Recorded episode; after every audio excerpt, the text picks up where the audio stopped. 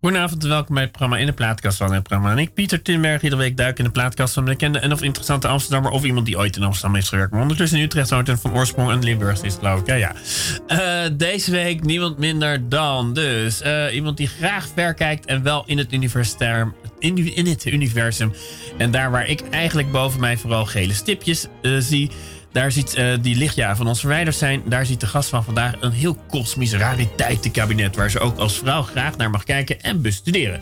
Want naast de wetenschap beoefenen is mensen haar liefst daarvoor delen wel haar missie. Girl for Science heet ze dan ook in, op haar Twitter profiel. En ze zet zich, zet zich ook al jaren in om vrouwen enthousiast te maken voor de wetenschap. Dit heeft als laatste geresulteerd in het boek Het Kosmisch Rariteitenkabinet. Dat ze samen met de man, dat wel, George van Hal schreef.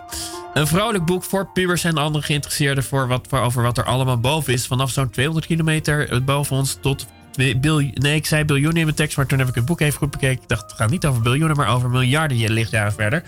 Um, en een groot plezier je in de studio te mogen ontvangen. Ans Hekkenberg, van harte welkom. Dankjewel, dankjewel. Ja. Uh, en je hebt ook gewoon muziek uh, vorige week al opgestuurd. Uh, ja, wat was ik zie wel, ik zag wel meteen Rocketman in de selectie staan. En oh ja, ik zie wel meer uh, allemaal dingen. Ik, ik zie inderdaad allemaal titels. Ja, je ja. hebt inderdaad allemaal titels met, uh, nou, met de kosmos. Ja, absoluut. Ja, nee, precies. Ik dacht, ga voor een thema. We gaan voor een vol de kosmos in. Oké, okay, en gaan we ook beginnen met. dus al, al, alle titels, dat zie ik nu al gewoon, omdat ik het rijtje voor me zie, hebben iets met de kosmos te maken. De, de eerste, was daar ook nog speciale reden voor, behalve dat het Rocketman heet? Of wil je een andere mee beginnen? Mag natuurlijk ook. Uh, nee, Rocketman is wel een mooie start, denk ik. Um, ja, ik denk, het is ook wel een mooie start, omdat Rocketman is natuurlijk ruimtevaart. Mensen die zelf de ruimte ingaan. Dat is wel een, een goede start om vanaf aarde te vertrekken en de kosmos in te bewegen. She packed my bags last night, pre-flight. Zero hour, 9 a.m. And I'm gonna be high as a kite by then.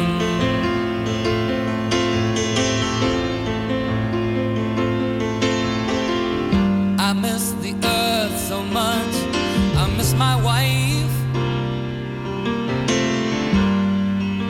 It's lonely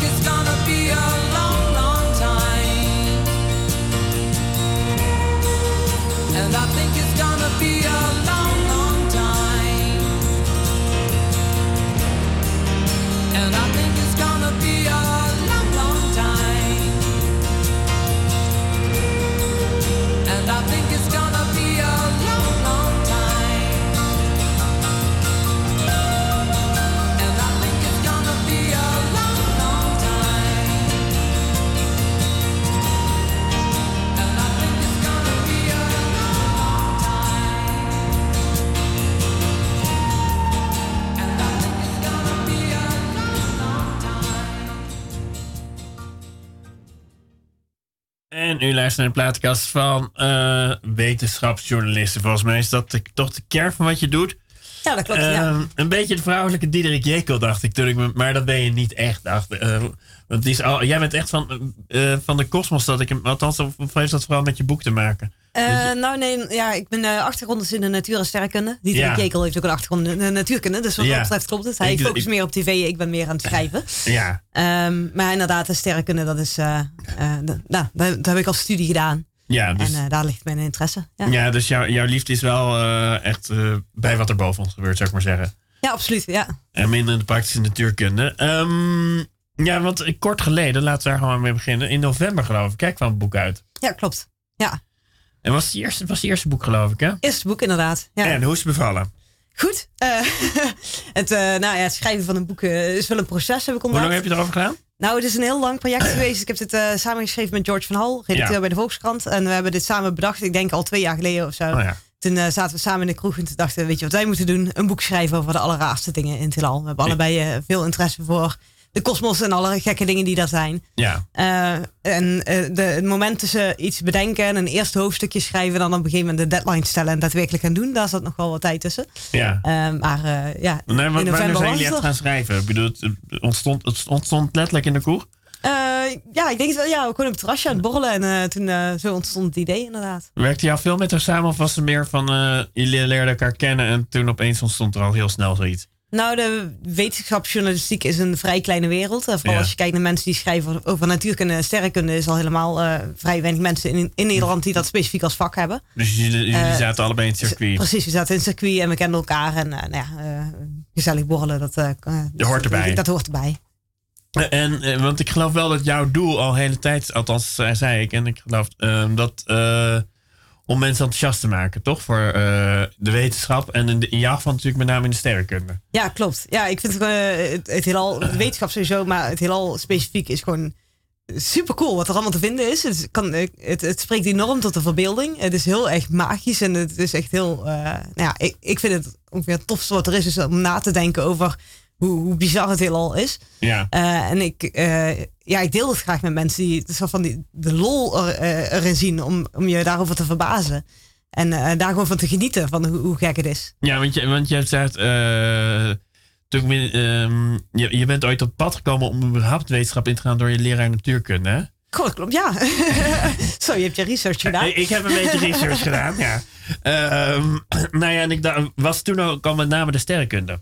Eh, nou, ik denk dat sterrenkunde had altijd mijn interesse. Ook voordat ik eigenlijk de keuze maak- maakte om eh, die kant op te gaan, eh, mijn mijn studie te kiezen. Was je als kind van acht ook al gewoon dat soort populair wetenschappelijke boeken van in de kijk en zo, dat, dat die hoofdstukken Ja. bekijken? Ja, een, beetje, maar ik had voornamelijk, ik vond het gewoon interessant om op mijn rug in het gras te liggen en naar boven te kijken. En Ja. dan na te denken over, is het heelal oneindig? Misschien niet toen ik acht was, misschien toen ik iets ouder was. Maar Laten we er Eh, 15 van maken of 12. precies, is het heelal oneindig? Wat zijn zwarte gaten? Bestaan wormgaten? Allemaal die vragen te stellen. Ja. Eh, en eh, die natuurkundedocent had een, een, een rol in het proces, omdat ik dat vooral zag als leuk om over na te denken en Ja. leuk om over te fantaseren. Want maar ik kreeg je bij niet, natuurkunde ook eh, weinig. Ja. Maar ik had eigenlijk tot een bepaald moment dat ik gewoon, eh, weet je, je bent puber en je moet een profielkeuze gaan maken. Ja. Dat ik eigenlijk niet bedacht dat datgene wat ik zo leuk vond, dat ik dat ook wel eens gewoon kon kiezen en mijn beroep van kon gaan maken. Ja. En, en, en, en, en wat je zo leuk vond, was het toch wel echt sterrenkunde of was het, meer, was het toen nog breder? Eh, sterrenkunde is altijd wel, ja, natuurkunde vind ik ook nu nog steeds eh, gewoon hartstikke leuk. Het, is, Ja. het zijn twee vakgebieden die elkaar echt wel veel raken. Ja? En ik vind allebei erg tof. Nee, want hoe elektriciteit werkt is toch anders dan eh wormgaten, zou ik maar zeggen. Of zeg je Zou je nou, denken bij elektriciteit, als je kijkt naar eh, eh, in de kosmos, ik bestaat ook het enorm eh, natuurlijk. Ja. Nee, maar als je kijkt, zeg wat, eh, terwijl mijn, toen ik op de universiteit zat, kon je kiezen of je natuurkunde of sterrenkunde Ja. track koos, zeg maar. En waar de natuurkunde studenten het vak elektromag- elektromagnetisme 2 hadden, Ja. had ik het vak kosmische hydro-elektromagnetisme of zo. Weet je, het, dus het was eh, de equivalent vind je altijd alweer in de ruimte. Want alles wat we op aarde hebben, zit er daarboven ook. ja. Dus het is eh, wat dat betreft, eh, ja. Nou je, ja, kom je alles tegen wat je op aarde ook tegenkomt. Nou, dan gaan we maar. nou, ja, even een heel klein kort vraagje tussendoor. Want er wordt wel eens gefantaseerd, heb ik begrepen, maar ik weet. hier durf ik dat er op de maan mogelijk dan ook wel degelijk grondstoffen zouden kunnen zijn die je beneden zou kunnen gebruiken. Ja, er wordt wel veel over gepraat. En de laatste tijd steeds meer inderdaad. Eh, het idee van eh, inderdaad de grondstoffen mijnen van de maan. Ja, Ehm, maar er wordt ook bijvoorbeeld veel gesproken over grondstoffen mijnen van planetoïden. Dus ruimterotsen die gewoon langs komen vliegen. Ja, Ja. eh, Dat we zouden kunnen zeggen, als het op aarde op is, waarom niet van een andere eh ruimterots afplukken, zeg maar. ja. Eh, daar kun je nog wat van, van vinden, maar het is wel iets wat eh, serieus overwogen wordt, ja. Eh, nou ja, eh, ehm, denk, je dat, denk je dat er inderdaad wat. ik, ik, ik denk, mijn theorietje eh, is altijd ehm, dat eh, ze ooit op de maan zijn geweest en er weg zijn gegaan omdat er gewoon eigenlijk geen klap te beleven was. En daarom dat- zijn ze niet teruggekomen. Ja, ja, ik denk dat ze op de maan zijn geweest en weg zijn gegaan omdat het een vrij nare omgeving is om te leven. Dat Ja, nee, ik. ik bedoel, ik snap ook dat ze geen tentjes op hebben gezet, maar ook dat ze gewoon eh, na 1972, geloof ik, 73, eh, geen Apollo 20, 25, et cetera is gevolgd. Gewoon Ja. omdat het heel saai is. Ik bedoel, het, het- ik Nou, kan- de, reden, na- eh, reden daarvoor was voornamelijk dat de financiering ja, het kost ophield. ook veel geld. Maar goed, Precies. En met, eh, na, ja, nadat eh, Amerika en Rusland eh, even spierballen match Ja, ze- hadden gedaan en hadden laten zien wie er het eerst op de maan was, ja. is daarna gewoon de interesse heel snel heel veel minder geworden, omdat er minder prestige te halen valt als je nu naar de maan gaat. Hoewel, het wordt nog steeds wel geprobeerd. Ja, dat is een Ehm, soort. eh, geen bemande missies de afgelopen tijd, maar wel gewoon ja, andere... China heeft er toch laatst iets op gezet of Eh, zo? India heeft laatst geprobeerd. Volgens mij is die gecrashed. Oh, ja, die is het Maar ja. dat zijn dan maanlanders. Het gaat dan om machines en niet om mensen. Ja. Eh, maar goed, ook als ze, niet- als ze gaan crashen. Ehm, maar ik denk dat nu inmiddels wel weer gesproken wordt. Omdat we gewoon wel weer technologisch zoveel verder zijn. Dat je nu wordt het interessant om na te denken over ja, wat je op zo'n maanbasis zou kunnen. Dus grondstoffen mijnen. Maar bijvoorbeeld ook kunnen we een maanbasis maken om vanaf die maanbasis verder de ruimte te gaan verkennen. ja. Het is een stuk gemakkelijker om dat vanaf de maan te doen dan vanaf de aarde. Want vanaf de aarde moet je nog de, aan de atmosfeer ontsnappen. Je moet de zwaartekracht van de aarde ontsnappen. ja. Daar heb je al een stuk minder last van Maar- op de maan. Even, eh, dan, inderdaad, in die zin. Ik bedoel, jouw boek gaat nauwelijks over de maan trouwens, of eigenlijk niet. Hij Ja. komt er, alth- althans voor zover ik het gelezen heb. Maar er is één hoofdstukje dat er iets dat net verder dan de maan is. Ja, soort, wordt de eh, maan het meest gaat het over. over. Ja, Ja. ja. En natuurlijk over het gegeven maan, maar de, de letterlijke maan die wij straks als we naar buiten gaan, als het helder weer eens kunnen kijken, die noem je eigenlijk amper, geloof ik. Nee, precies. Ja, in het kosmische rariteitskabinet is die niet raar genoeg eigenlijk. Nee, dus, nee. eh, vrij normale maan hebben we. Dus ik stel je ook gewoon een beetje een wat beetjes vragen waarbij ik je helemaal niet kwalijk neem als je zou zeggen Wegi. Nou, een grote kans, maar we zullen zien. Eh, nee, eh, maar nu ben ik mijn beetjes vraagvrijheid. Nee, maar inderdaad, eh, nou ja, goed, je zegt zelf van de baan was niet raar genoeg.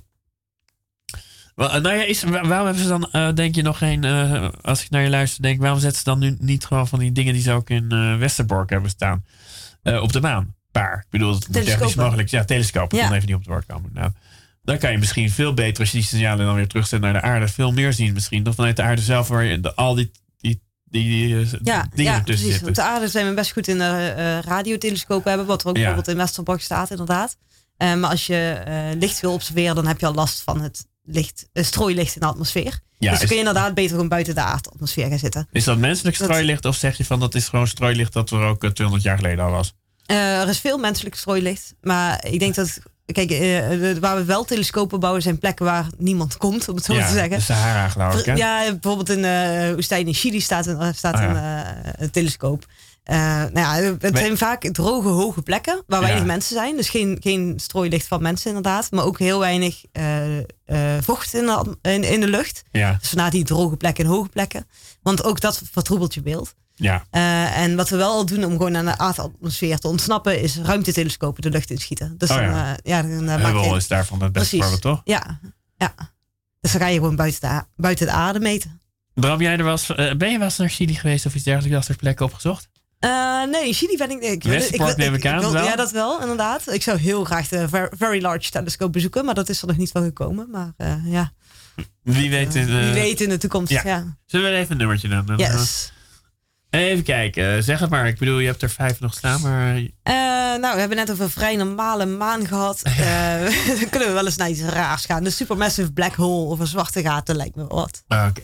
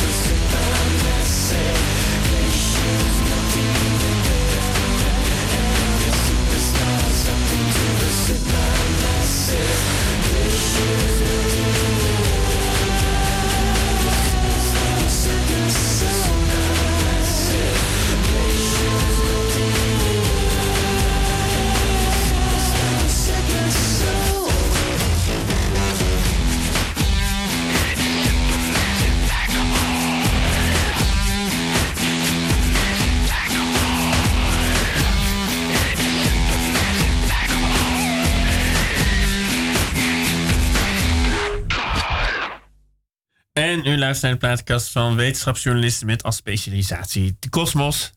Eh Hans Hekkenberg. En je had een nummer gekozen met, eh, je zei we gaan naar iets geks, namelijk de zwarte gaten. Dus de titel is ook Supermassive Black Hole. Mhm. Eh, ja, vind je inderdaad, ik bedoel, dat toch wel een van de intrigerendste verschijnselen, de zwarte gaten in de kosmos? Eh, ja, ik denk dat ze vooral, ze spreken heel erg tot de verbeelding. Het zijn echt Ja. heel bizarre objecten in de zin, ze zijn super, super veel massa hebben ze. Supermassive, hè? Ja. Eh, waardoor ze alles wat ze ook met de pakken kunnen krijgen naar binnen slurpen. En ook Inclusief niks meer loslaten. Inderdaad, inclusief licht. Dat is de reden dat ze zo zwart zijn. Ja. Eh, omdat ze gewoon licht naar binnen trekken. En zelfs licht kan niet meer ontsnappen aan, aan zo'n gat. Dus Ja. dat is echt een soort van eh, grens om een zwart gat heen. Als je daaraan voorbij gaat, dan kom je nooit meer terug. En dat, dat is wel natuurlijk heel spannend. En spreekt wel tot de verbeelding. Ga- gaan wij er uiteindelijk ook, eh, althans de wereld, eh, op een gegeven moment ook, als de zon op is, wordt het ook een zwart gat, geloof ik. Die heb ik wel eens gehoord. Oh. Eh, Is ik niet theorie. meer wat het einde van de zon is, of die neutronenster of zwart gat. Nee, weet ik niet precies. Maar eh, in ieder geval, voor die tijd gaan we er toch al aan. Goed nieuws. Ja, wij als mensen, ja. Nou ja, de zon die gaat ook eh, eh, voor die tijd zal hij opzwellen tot een rode reus. Dat is een, Ja. eh, een, een- ook een type, type ster, eh, waarbij een ster aan het einde van zijn leven is gekomen, en daardoor enorm op- groeit, enorm opzwelt. En dan eh, gaat hij zo opzwellen dat of de aarde gewoon verschroeid wordt, of dat de aarde wordt opgeslokt door de zon, omdat de zon zo groot komt. Eh, naar de buitenste planeten hebben we nog wel een kans om hier aan te ontsnappen, maar wij hebben geen enkele kans. Dus, Oh, oh, Pluto of zo, die heeft. en- en- en zo'n. En zo'n dat was er eentje waar ik helemaal nog niks over wist. Eh, nou, van de meeste dingen trouwens in je boek niet. Maar ehm, die, die planeet die geen planeet die jij beschrijft als de buren die, die de, de gordijnen dicht houden. Althans, ja. Oh ja, oh Planet Nine. Ja, Ja. ja. Planet X. Ik weet even niet meer welke naam ik gekozen heb in het, in het boek.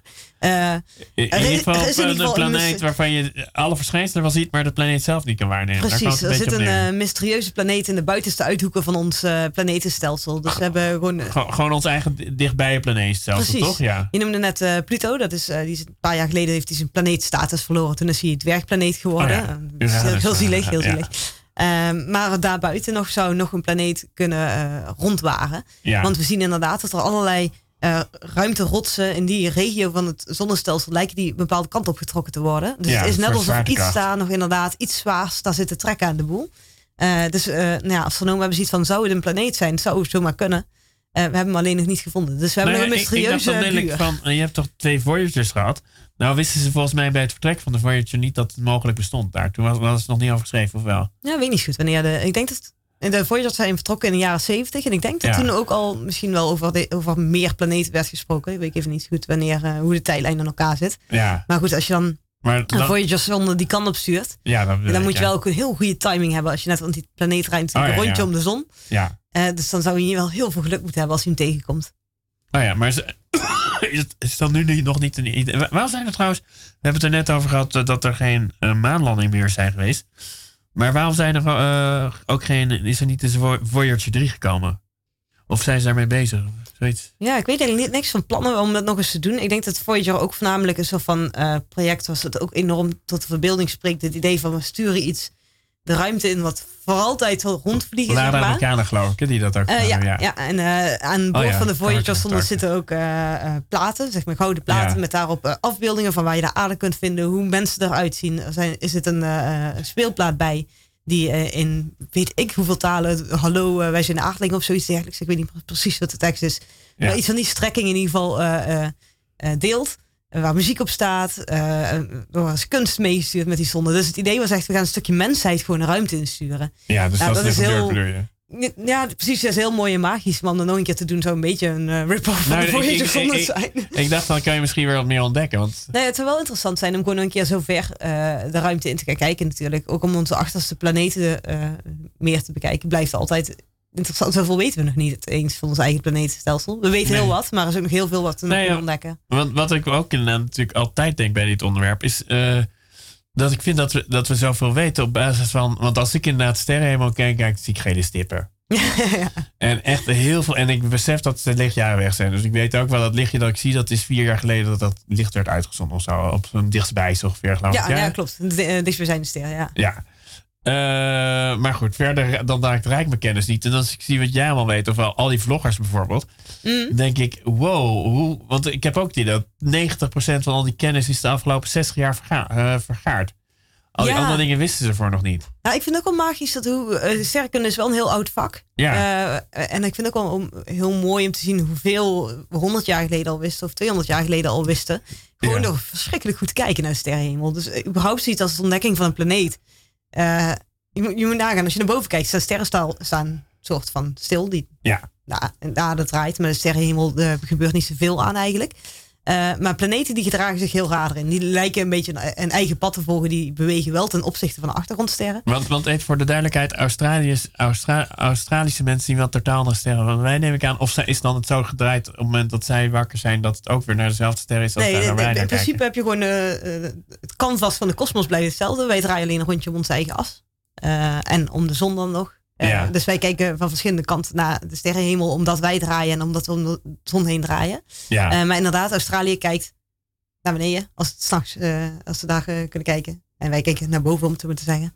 Dus ja. we zien wel andere sterrenhemel. We zien ook andere sterrenbeelden bijvoorbeeld. ja, ja, dus eh, het stilpannetje kunnen de Australiërs niet zien. Precies, ze hebben het Zuiderkruis om naar te kijken. En dat, eh, gaat, eh, dat wijst naar de ster die dichtst... Maar dan, dan zie je eigenlijk ook in Indonesië weer iets anders dan bij ons. En in China zien ze weer wat anders. Dus Iedereen op de planeet ziet het net iets anders bij de heldere sterrenhemel. Klopt dat? Is dat die conclusie correct? Nou, als je op dezelfde, eh, zeg maar op dezelfde hoogte op de aarde zit, om het zo maar te zeggen, dan eh, zie je in principe dezelfde sterrenhemel, omdat je eh, een, een rondje draait. Dus iedereen komt een keertje aan de beurt om Ja. dat, naar dat stukje hemel te kijken. Om Het, is niet dat de Parijs om 12 uur net een iets andere sterrenhemel ziet dan in eh, Amsterdam. Nou, ze zitten net iets zuidelijker, maar dat, dat gaan we niet, eh, daar gaan we niks van merken, zeg maar. Als je daar gewoon kijkt, zie je gewoon een grote beer en dan Ja. zie je Andromeda en allerlei sterrenbeelden die we hier gewoon kennen.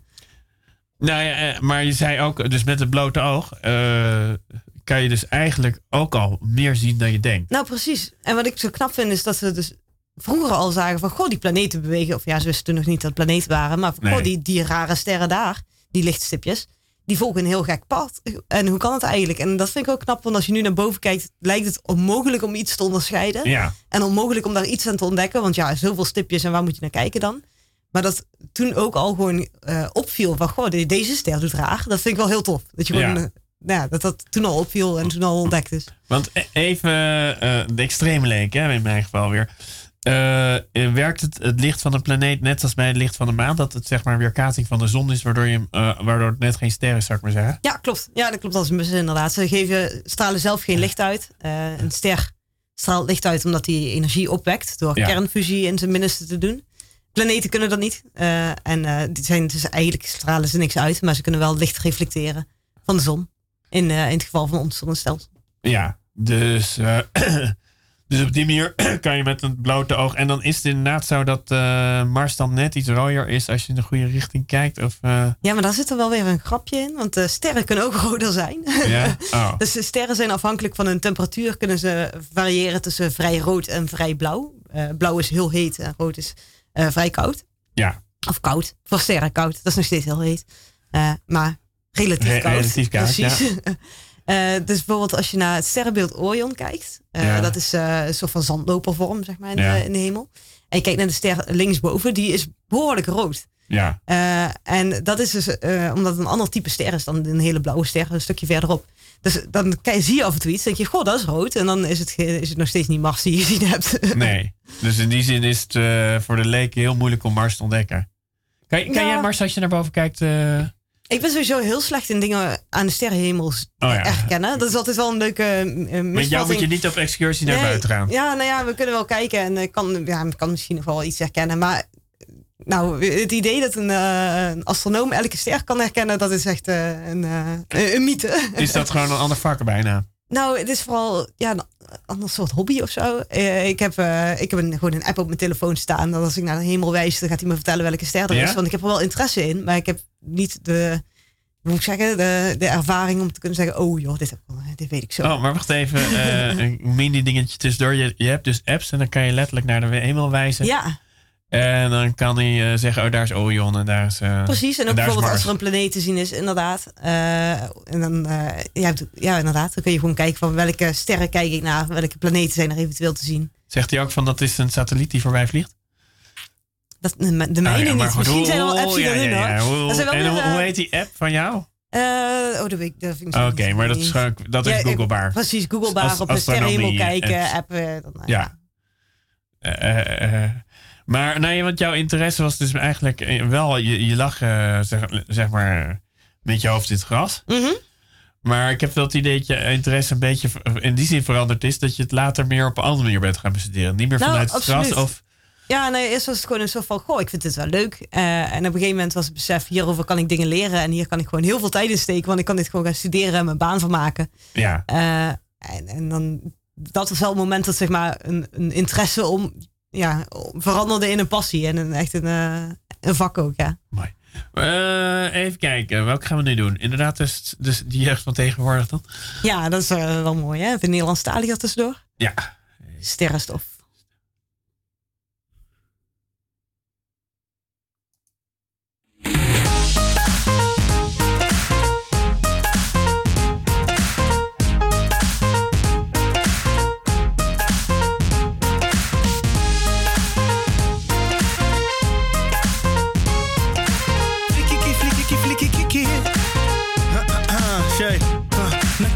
Grappie, leeft zoet als een sappie. Ballen, ook was mama altijd wappie. Een goed begin is het halve werk, maar een goed begin is maar de helft. De tweede helft, maar ik hoef geen helft. Wibbelin was elf, ik deed alles zelf. Ik ging zelf naar school, nu kom ik zelf op tv. En ik lach in mezelf, want de sletternek breed. Nou kijk ze kijken, dus blijf kijken. Alle dikzakken willen op me lijken. Maar broeder, vergeet het ding. Stap opzij, ze willen handtekening. Kaleidoscopische Ik kijk omhoog, mijn pupillen worden groot. De wereld is verplaatst, ja. Op je polenpips na. Een golf neemt de afstand van je hemellichaam. Ze is van spectrale klasse. Oh, aardse klachten. Hoe losgepast toen ze naar me lachten.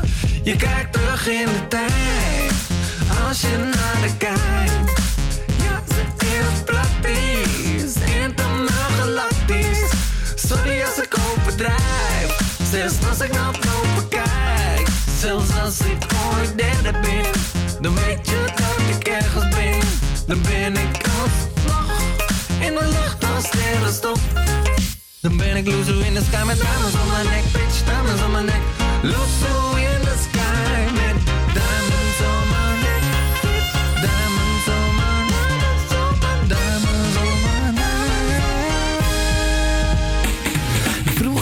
Yang jou alleen nog maar Yang. Geen rap, centjes, geen peper, geen stang. Totdat hij uit het niks op tv kwam. Ineens changed zijn hele leven. Bam, shows in het weekend, geld op de bank. Gelukkig aan het sterrenstof, maar telt het nog dan? Hij wilde proeven van elke soort drank. Men probeerde hem te zeggen, hij was telkens zo lang. En na een tijdje zat hij crazy in de put. Toen uit de lucht kwam vallen Lady Luck.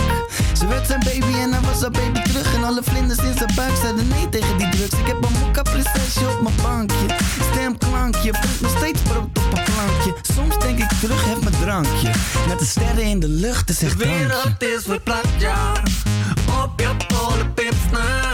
Golf neemt de afstand van je hemellichaam. Ze is van spectrale een aardse klachten. Hoe losgepast toen ze naar me lachten. Je kijkt terug in de tijd, als je naar de kijkt. Ja, ze is praktisch, intergalactisch. Sorry als ik overdrijf, zelfs als ik naar boven kijk. Zelfs als ik ooit derde ben, dan weet je dat ik ergens ben. Dan ben ik alsnog Ben ik loezo in de sky met diamonds om mijn nek, bitch, diamonds om mijn nek. Loezo in de sky met diamonds om mijn nek, bitch, diamonds om mijn nek, diamonds om mijn nek. En u luistert naar de plaatkast van eh sterrendeskundige eh, Ans eh, Hekkenberg. Eh, wat is sterrenstof eigenlijk? Waar ze over zingen? Ze zingen niet over sterrenstof, maar Eh, ja, sterrenstof. sterrenstof. Sterrenstof is het, het spul van sterren. Eh, het is altijd een, een heel eh, gaaf weetje. Eh, waarmee je als sterrenkundige altijd wel eh, mensen jas kan maken. Dus door te vertellen dat we allemaal uit sterrenstof bestaan. Ja, Eh, wat eigenlijk gewoon betekent dat alle elementen die een beetje zwaar zijn in je lijf, die zijn gevormd in het binnenste van sterren. oh. Het vroege heelal had niks als saaie lichte elementen. Als, dus je bot is allemaal sterrenstof. eh, Bijvoorbeeld, inderdaad. Ja, want het is helium, dat kan gewoon, dat, bestond al voor die tijd. Maar wanneer eh, sterren elementen gaan samensmelten, Ja. kan dat maar tot een bepaalde, ja, tot bepaalde elementen, zeg maar, die net zo zwaar zijn dat dat nog energie oplevert. Eh, en wanneer ze daarna verder willen gaan, dat, dat lukt niet zomaar. Want dan zou het energie kosten om die elementen nog samen te smelten. Maar als een ster aan het einde van zijn leven ontploft, dat gebeurt een heel gewelddadige, eh, krachtige, eh, ja, ik wil het explosie noemen, maar dat is Ja. eigenlijk, ja, nou ja, de, de ster spat uiteen, zeg maar. Dan ontstaan Is dat zware waargenomen de afgelopen... Nou, astronomen zijn momenteel echt helemaal eh, een beetje excited. Want misschien, Ja. misschien staat er wel eentje aan te komen. Daar zijn een beetje geruchten over, eh, maar we weten het eigenlijk niet. vrij ver, toch, geloof ik? Nou, de, We hebben er geen last van. Nee, we hebben sowieso zullen we geen last van hebben in de zin van het, op aarde merken we er weinig van. Behalve dat we dus aan de sterrenhemel een superheldere ster zien staan. Want als een ster ontploft, Ja, dat gaat gewoon met veel geweld en heel veel licht. Dat is echt een spektakel van licht. ja. Dus dan, nou ja, als dat zou gebeuren, dan zien we gewoon echt super, super niet te missen heldere sterren in de hemel staan. ja. Eh, en er is, zijn nu. eh, en hoe lang zou, die, zou dat dan duren? Nou, er zijn nu, zeg maar, geruchten over, of ja, geruchten, zo moet ik het eigenlijk niet noemen, maar er wordt over, ge- over gesproken. Gespeculeerd? Ja. Precies, gespeculeerd. eh, dat die rode ster in Orion, waar ik het eerder over Ja. had, dat die wel eens zou, op het punt zou kunnen staan om te ontploffen. Want die lijkt een beetje razig te gedragen, die lijkt steeds minder helder te worden en dat zou een voorbode kunnen zijn dat die gaat ontploffen. Kan dat voor hetzelfde geld nog honderden jaren duren? Ja, dat is het een beetje. We weten niet zeker of dit de voorbode is na ontploffing, Ja. of dat het gewoon even een dip is. Ja, En, en, en, nee, ik zit ook, denk ik, bedoel, op, op kosmisch gebied is misschien eh, eh, over één minuut is in, de is in onze waarnemer, een waarneembare tijd nog duizend jaar, bij spreken. Of is dat eh, niet Nou ja, op de kosmische schaal is wel alles. Ja, alles is gewoon heel extreem. Dingen Ja. gaan soms extreem snel. Dus er zijn sterren die eh, 700 keer per seconde een rondje op een as draaien. Oh ja, echt, die die, die komt ook in je boek voor. komt ook in mijn boek voor, inderdaad. Dat is dus echt een gestoord snelle tol, zeg maar. Eh, maar ja, de kosmos op zich eh, bestaat al eh, 13, 14 miljard jaar. Ja, en op die tijdschaal, ja, dat is voor ons onvoorstelbaar hoe lang dat is. En de mens komt echt nog maar net kijken, zeg maar, Ja. op die tijdschaal. Dus eh, dingen duren zowel ongelooflijk lang als dat er dingen zijn die ongelooflijk snel gebeuren. Eh Zo'n supernova-explosie zou een aantal weken kunnen zien aan de hemel. oh ja. Dus dat zou wel tof zijn. Nou ja, ik, ik zit wel met te duimen dat Ja. gebeurt. Maar ja, ik, ik, ik zou heel graag in mijn leven een supernova-explosie willen zien. Dat zou wel echt eh, heel gaaf zijn. Nee, want hoe vaak gebeurt eh, zoiets? Eh, Ja, er is een, een soort van gemiddelde, eh, maar ik weet even niet, nou ja, even ballpark estimate. Volgens mij is die eens in 150 jaar of zo. misschien. oh, Oké, dus het is ook Eh, weer niet dat het dus- nooit gebeurt. Dit is niet dat het nooit gebeurt. En eigenlijk is de laatste keer dat het gebeurd is, is ook relatief lang geleden, zeg maar. Dus eigenlijk hebben we wel een beetje recht op een explosie in de hemel. Ja, nee, ik zit opeens een hele gekke zijsprong misschien. Nee, ander om dat te beoordelen. Maar is misschien eh, eh, de, de ster van Jezus een eh, ontplofte ster geweest? Ja, ja, nou ja, weet je, dat zijn wel. Dat is dus wel een, gerucht inderdaad. Dat als er gesproken wordt over bizar heldere sterren in de geschiedenis, dat dat supernova-explosies zijn geweest. Ja, Er zijn bijvoorbeeld ook schilderijen waarop eh, heel hel- heldere sterren staan, die daar dan eigenlijk, eh, ja, waarvan we nou, kunnen reconstrueren van oké, dat zal wel een supernova zijn geweest. ja, Eh, dus ja, het is eerder gebeurd. De mensen hebben het eerder gezien, alleen nog niet. ja. Dus, eh, en je bedoelt me, wij in de 20e eeuw zou ik maar Als zeggen. in, ja, deze generatie eh, heeft nog, eh, heeft nog niks Ja, gezien dus- en onze vaders en moeders niet en onze opa's en oma's Dus ook al- niet. Nee, dus alle sterrenkundigen die zitten een beetje te duimen nu. Ja, ik denk het wel. Nou ja, ik in ieder geval wel. Ik zou het heel tof vinden. nou ja, en, en, en voor ons ook leuk om te weten, voor ons de leken die het ook nog wel leuk vinden om naar de, vinden om naar de hemel te kijken. Dat zou dan een paar weken duren. Ja, weet je, je zou hem niet zomaar missen. Dus niet van, eh ah, chips. Ja, ik lag te eh, slapen, knipperde nou, met mijn eh, ogen. Ik zat, was op de wc, ik maar Nee, zeggen. precies. Dus als, als we hem zien, dan ziet iedereen hem. Dus dat is wel echt... Ja, en dan is hij dus in feite, als we hem zien, dan is het wel, is hij in feite een paar miljard jaar geleden, of een paar honderd jaar geleden gebeurd of zo. Ik dat? Ja, 700 eh, lichtjaar staat hij volgens mij ver weg. Oh ja. Zoiets, nee, een paar honderd lichtjaar Ja, oké, maar- Dus, dus inderdaad, eh, in de tijd dat hier de, de pest heerste, dat- toen is hij ontploft. Oh, oh, oh, da- oh, daar gaat het me nu vanuit. Oh ja. Ja, dus dat is. ehm, eh, ja, is in een. ehm, want je hebt nog een missie in je leven. eh, namelijk eh, vrouwen enthousiast, of meisjes enthousiast maken. Ja, nou ja, mijn missie is voornamelijk eigenlijk gewoon eh, iedereen enthousiast maken voor Ja. eh, wetenschap en techniek. En eh sterrenkunde in het bijzonder, maar ook gewoon algemeen de bettenwetenschappen Ja. met, met name. Omdat het gewoon een verschrikkelijk cool vakgebied is. En ik gun dat iedereen om dat, eh, dat te ontdekken. Ja. Eh, en ik denk dat sommige. eh, Want je noemt groepen- jezelf Girls for Science eh, Ja. op je Twitter-account. Ja, precies. Eh, dat is, eh, ik, ik heb zelf hart voor wetenschap. Dat eh, is iets wat ik daarmee wil uitdragen. Maar het is inderdaad, ik heb er ook hard voor dat, dat de wetenschap ook eh, van iedereen is en voor iedereen is. Ja. Ehm, en ik denk dat de wetenschap eh, af en toe behoorlijk wat talent misloopt, omdat mensen denken dat het niet zo is. Ja. Eh, en ik denk dat als wij de beste wetenschap willen bedrijven en het meeste willen ontdekken en gewoon het meeste willen leren, dan moet iedereen die, die wil, moet geen drempel ervaren om eh, voor de wetenschap te kiezen. ik vind die boeken altijd al vrij de- naar jezelf. Ik bedoel, kijk gewoon wel naar vlogger. Ik dacht, waarom gaat ze niet vloggen? Maar dat is misschien wel heel simpel. Ik bedoel, eh, Ja. je, je hebt er meerdere eh, physics girl en zo. Nee, ik, ik hou, Ja, ik hou er enorm van. je hebt inderdaad wat eh, internationale vloggers die echt hartstikke leuk en hartstikke goed zijn. In Nederland is ja, heeft In Nederland echt, heeft er eh, geen, geen wetenschapsvlogs. geen Althans, wetenschapsvloggers, ik heb ze ja. nog niet ontdekt. Dat is Nee, niet hetzelfde natuurlijk. ik weet er ook niet van. Wat zeg je? Ik, ik, ken, ik ken ook geen Nederlandse wetenschapsvloggers. Ja, wel mensen die wat Ja, die een, een speech Ja. hebben gehouden of iets dergelijks. Of eh, ik bedoel, Diederik Jekel zou wel ook op een bepaalde manier vervlocht zijn doordat het een interviews eh Ik ga nu zelfs zijn. een eh, YouTube-kanaal starten over klimaatverandering. Dus dat Oh ja, is wel een ja, mooie ontwikkeling. Dan hebben we toch dat- gewoon de eerste wetenschapsvlogger toch te pakken. Ja, dan oké. Nou, dan. maar, maar goed, ik dacht, want, want ik zie wel in Amerika, maar goed, ik kom ze dan toevallig tegen wat ik leuk Mhm. vind. Zie je wel van die vrouwen van pakweg tussen de 20. Nee, eh, inderdaad, Sa- Physics Girl, ken je die toevallig? En je hebt Ja, ook, Physics eh, Girl inderdaad. En de Amy bijvoorbeeld. En, eh, ja, inderdaad. Vintage, eh, ja, die is. Ja. eh, Ja, je hebt eh ja, gewoon hartstikke goede wetenschapsvloggers. En ik heb vandaag ook weer eentje ontdekt. Maar goed, eh, met name jouw onderwerp Becky nog wat. eh, eh, in oh ja, Smethurst. Ja, Smethurst, ja, zoiets. ja, eh, is in ieder geval dokter. Die, die ja. inderdaad echt alles over kosmos. Dus ik dacht, ik ga Ja. jou ook weer wat beter snappen door haar te kijken. Eh, want ik heb je ook die filmpjes. Want ik vind die boeken dan wel vaak taai, neem ik. Als je echt de wetenschap ingaat. Of zeg je van. oh ja, eh, nou ja, ik denk dat eh, er is best wel veel leuke populair wetenschappelijke literatuur die voor iedereen is geschreven. Eh, Ja. Maar ik denk ook dat er gewoon vrij veel eh ja, taaie kost bestaat, zeg maar. ja, tuurlijk. Eh, dat is ook wel een reden dat we het Kosmisch Rariteitenkabinet eh gingen schrijven. Was Ja. om laagdrempelig over de ruimte te schrijven. En ook op een manier dat, eh, nou ja, je, hebt, je hebt er doorheen gebladerd. Eh, het is, eh, ja, je moet een beetje tegen flauwe humor kunnen, zeg maar. Ja. Er zitten veel flauwe grappen in. eh Nee, referenties niet, niet iedereen naar zal die eh, negende ster beschrijven als een, een buurman die de deur niet open doet, zou ik maar zeggen. Nee, precies. Dus er zitten veel. nou ja, we willen eigenlijk gewoon op een heel speelse manier mensen meenemen naar de kosmos. Dus het is. Heb je het ook laten lezen door zeg maar semi-ongeïnteresseerde meisjes van, of jongens van een jaar of 15?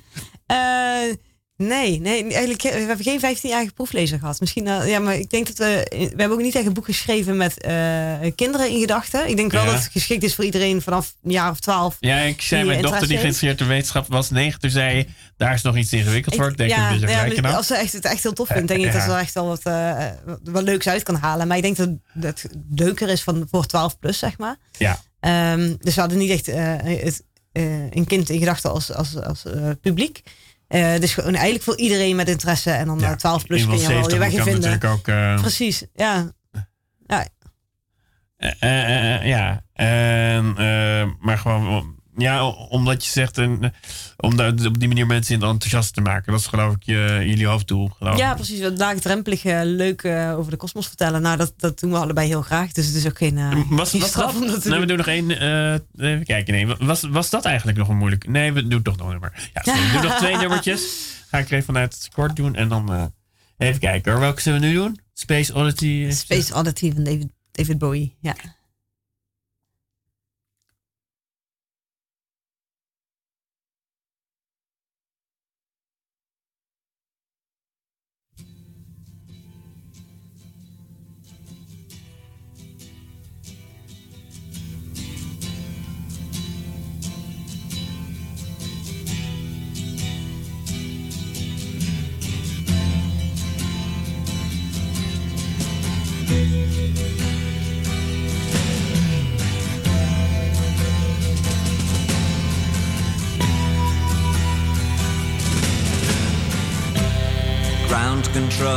To Major Tom.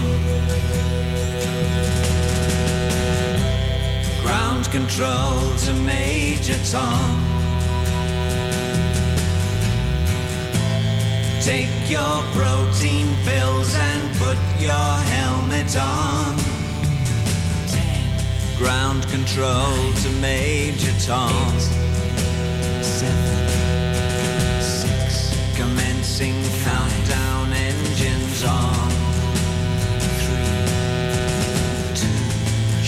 Ignition and may God's love be with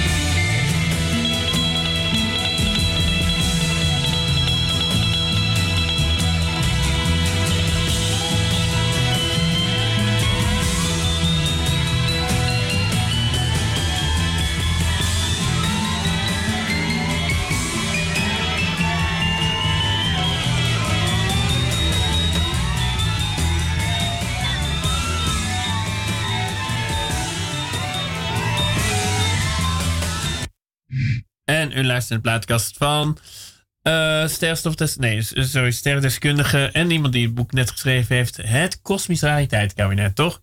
Klopt, ja. Eh Ant Hekkenberg. Als je inderdaad nieuwsgierig bent wat staat te doen, naar jou of naar het boek.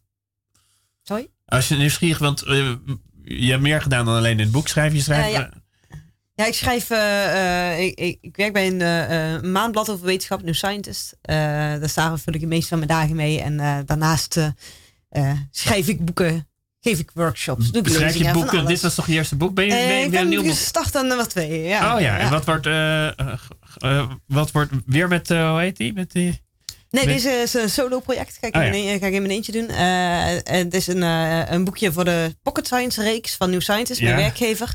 Eh, Pocket Science is een reeks waar, eh, van boekjes waarin je in 100 pagina's wordt bijgepraat over een onderwerp. Dus dat zijn Ja. die compacte boekjes. Eh, en het boekje wat ik ga Doelgroep schrijven... iedereen, zeg maar. Net Doelgroep iedereen, inderdaad. En het, eh, het, eh, het boekje wat ik ga schrijven gaat over de mogelijke eindes van de kosmos. Dus hoe gaat Oh. het heelal uiteindelijk ten einde? Hoe, hoe, Nou ja. hoe gaat het universum dood, om het zo maar te zeggen? Denk je, denk je dat er een echt einde is? Dat is een Eh, hele andere vraag. Ja, nou ja, dat is dus een van de, van de vragen die in het boekje beantwoord gaat worden. Eh, maar ja, nou ja de, de meest waarschijnlijke eh, theorie, zeg maar, waar de meeste astronomen van zeggen van, nou daar zet ik mijn geld op in, Ja. is dat er wel een einde komt. En dat is dat er een heat, heat death of the universe komt. Een omgekeerde Big Bang. Eigenlijk, nou, eigenlijk is het die is ook een van de mogelijkheden dat alles weer op elkaar klapt. Maar Ja. de, de heat death Ja. is dat er alle energie eigenlijk zo uitgespreid wordt over het heelal. Dat er geen energie meer is om iets te bewegen of iets te doen. En dat eigenlijk gewoon alles met een sisser eindigt. Dus dat is een vrij Maar- en- deprimerend einde van het Ja, maar, dat, maar dat, dat, dan, eh, dat dan ook weer tot in de eeuwigheid, zou ik maar zeggen. Ja, nou ja, je zou kunnen zeggen, eh, is het heelal dan geëindigd? Of, of duurt het voort tot in de eeuwigheid? Maar is dan ook niks meer wat de tijd laat verstrijken? Oh ja. Eh, dus dat is wel een beetje de truc dat je zegt, eigenlijk stopt de tijd. Ja. Oké, nou, sowieso- het- nou ja, wat dat betreft ben je eigenlijk non-stop bezig met dingen die je niet kan bevatten. Ja, nou ja, dat is denk ik ook wel het eh, toffe aan mijn, aan mijn vak. Dat ik gewoon Ja. constant mag nadenken over dingen waarvan je echt denkt, what the heck? Ja. Ja, dat is wel erg leuk. Is, is dat inderdaad wat het jou als, eh, weet ik, meisje toen al intrigerend aan vond? Dat je dacht van, je kan het echt niet bevatten en daarmee wordt het ook wel weer intrigerend? Of? Ja, nee, ik vind het wel... Ik, denk dat het ook heel moeilijk is om dingen te bevatten die op aarde gebeuren. Ja, dus wat dat betreft. Eh, maar ik denk dat het wel... Het, het, het, daagt je verbeeldingskracht uit. En dat vind ik heel erg leuk. Oké. Nou ja, dat, eh, en, en dus je bent bezig met een nieuw boek te schrijven. Ja. En ook nog een artikel neem ik aan deze week of iets dergelijks. Of, eh, Oh ja, constant. Schrijf Oh ja, altijd. ja. Ja. Schrijven is toch wel het kernding bij jou, geloof ik, hè? Ja, ja, klopt. En, en, eh, ja, en, en ook een beetje promoten, begrijp ik. Eh, dus, eh, en, en daarna ga je ook weer nog meer boeken schrijven? Of, eh, en, en- ga je hier, gaat hier nog vervolg op komen? Ik kan me ook wel voorstellen dat jullie selectie hebben gemaakt. Ja, we hebben wel selectie moeten maken, inderdaad. Ehm, ik denk dat vooralsnog dat we wel tevreden zijn hiermee. Maar wat je wel heel erg merkt, is dat we toen we dit boek schreven, merkten we gewoon heel erg dat dingen zo snel tempo gaan met nieuwe ontdekkingen. En bijvoorbeeld ook objecten die in het boek staan. als absurd object, waarbij terwijl we aan het schrijven was, waren, werden we de hele tijd ingehaald door de werkelijkheid dat er een nieuw onderzoeksartikel was over dat object. En dat er weer nieuwe dingen ontdekt waren. Dus, Dus ik denk dat we, ja, ik denk dat we voor tien jaar gewoon een compleet nieuw boek zouden kunnen schrijven met 30 nieuwe rariteiten. Of deze rariteiten van eigenlijk een soort van oplossing. Wat is nou Ja, een soort update van de eh, huidige Zou van de, van de rariteit die jullie bedacht hadden. Het, het vakgebied gaat heel snel wat dat betreft. Oh, leuk. Brengt ons bij het einde van de uitzending. Eh, waar gaan we mee eindigen? Eh, met eh, Drops of Jupiter van Train. Oké, niet natuurlijk dat ik je hartelijk heb bedankt voor je komst. En aan te kondigen dat volgende over twee weken te gast komt. Waarschijnlijk iemand die in Berlijn woont, maar dat is nog niet helemaal zeker. Dus dat eh, horen we dan. Tot over twee weken.